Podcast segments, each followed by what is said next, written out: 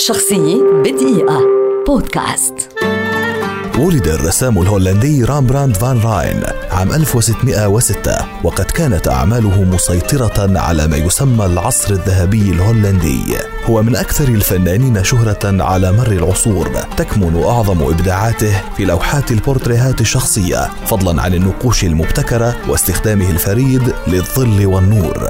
في عام 1626 أصبح أستاذا في الفن وكانت لوحاته التي رسمها خلال هذا الوقت صغيرة ولكنها كانت غنية بالتفاصيل وكانت الموضوعات المجازية بارزة فيها. في عام 1642 رسم The Night Watch وهو أهم مجموعة من البورتريهات التي قدمها في هذه المرحلة وسعى من خلالها إلى إيجاد حلول للمشاكل التي واجهته في الأعمال السابقة. تفاوتت لوحات رامبراند في العقد الذي يلي The Night Watch بشكل كبير في الحجم والموضوع والأسلوب. خلق الاتجاه السابق الذي احتوى تأثيرات دراماتيكية من خلال التباين القوي بين الظل والنور الطريق إلى استخدام الإضاءة الأمامية وإظهار مساحات مضاءة أكبر وأكثر تشبعا باللون.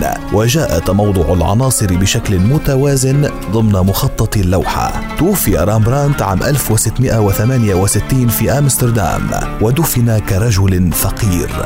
شخصية بدقيقة. بودكاست.